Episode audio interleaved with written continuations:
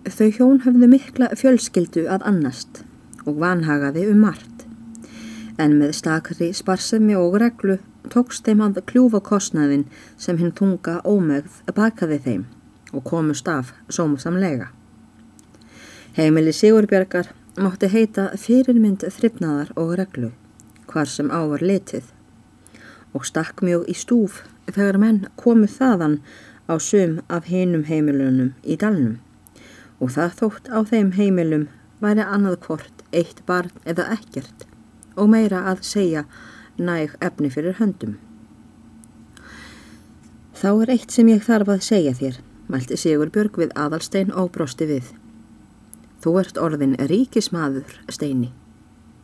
Ég, ríkismadur, Sigur Björg mín. Hvernig stendur á því? spurði aðalstein og undraðist. Já, það ber ekki á öðru, sagði Sigurbjörg aftur brosandi. Það er liggja hérna peningar sem þú átt að taka við. En ekki skaltu samt gera þér mjög háar vonir. Þú verður að gera þig ánagðan þó þú fáir ekki fullar lúkur þínar. En hvaða peningar geta það verið? spurði aðalstein og undraðist enn meir. Svoliðis stemtur á með þetta, hansaði Sigurbjörg, að hreppstjórin skrifaði manninu mínum nýlega og sendi honum lítinn afgang sem varð af skuldunum í dánarbúi móður þinnar sálugu. Það er því reglulegur móðurarfur þinn og mæltis hreppstjórin til að þessum skildingum þið varið þér til gags á einhvern hátt og bað mannum minn sjá til að svo yrði. En þessi arfur er ekki stór. Það eru tveir dalir og nokkri skildingar. Já, ég mér þykir væntum, sagði aðalsteinn. Ég hef aldrei egnast svo mikla peninga fyrr. Nú get ég þó borgað ykkur upp í hestlánið. Nei, okkur skaltu ekki borga steinu minn. En þó sínist mér réttast að þú hafir þessa skildinga með þér á ferðinni ef þér kynni á að líkja. Alltjent gæti ég þó borgað hestlán heima aftur ef einhver yrði þá til að ljá mér hest, mælti aðalsteinn. Það væri ömt ef Gunnar þyrti að skilja eftir bakkana mín vegna. Ekki teljum við það eftir þér, svariði Sigurbjörg. Í þessu byli kemur inn yngvar, sonur hjónanna, og segir við móður sína. Hér er komin stúlka frá hálsi með böggul. Ég held helst það sé smér og skilar frá þósteinni að hann byrði pappa að flytja það fyrir sig til frúarinnar í skálhaldi. Nú, svarar Sigurbjörg fyrst og íhugar. Síðan segir hún brosandi. Æ, það er öldungi satt. Það mun vera smérfjörðungurinn, góði, sem sólkurnar á hálsi voru að henda gaman að hérna um daginn. Síðan lítur Sigurbjörg framann í aðalstein og segir brosandi. Þorstein mun ætlast til að þú afhendir frúnni þannig smérbita, steini minn. Jú, hann mun ætlast til þess svaraði aðalsteinn sömu leiðis brosandi. Ég farðu yngi minn og segðu pappa frá því. Hann er líklega úti í skemmunni að týja sig til og segðu svo stúlkunni að sendingin skuli verða flutt. Að svo mæltu gengur Sigurbjörg fram en aðalsteinn verður eftir inni hjá börnunum og tóks nú fjörug umræða með þeim er varaði góða stund og var ímislegt að góma. Enkanlega var Anna skrafhreyfin og kátt þetta kvöld. Hún stóð frammi fyrir aðalsteini og hjælt hann í hönd henni og fann hún upp á allra handana viðræðum við leikbróður sinn.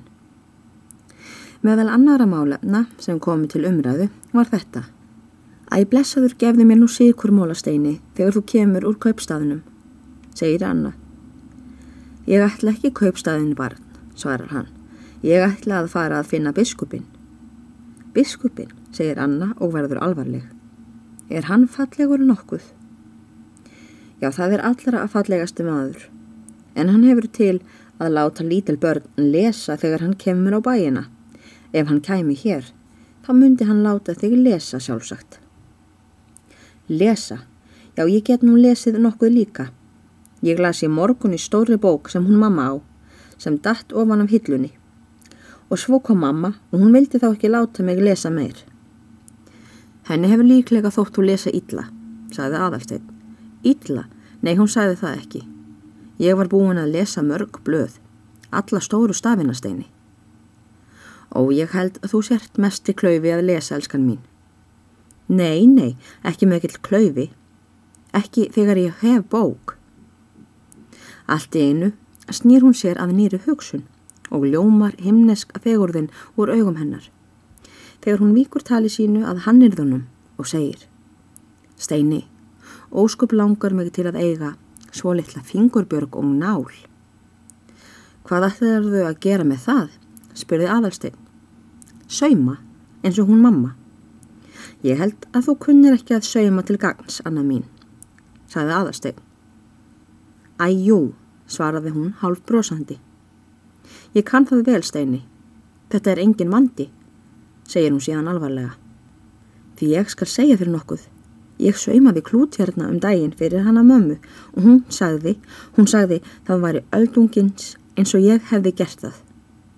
Nú hlógu eldri börnin á önnu og hún sjálf með. Þetta er lítið sínishorn af samtalinu.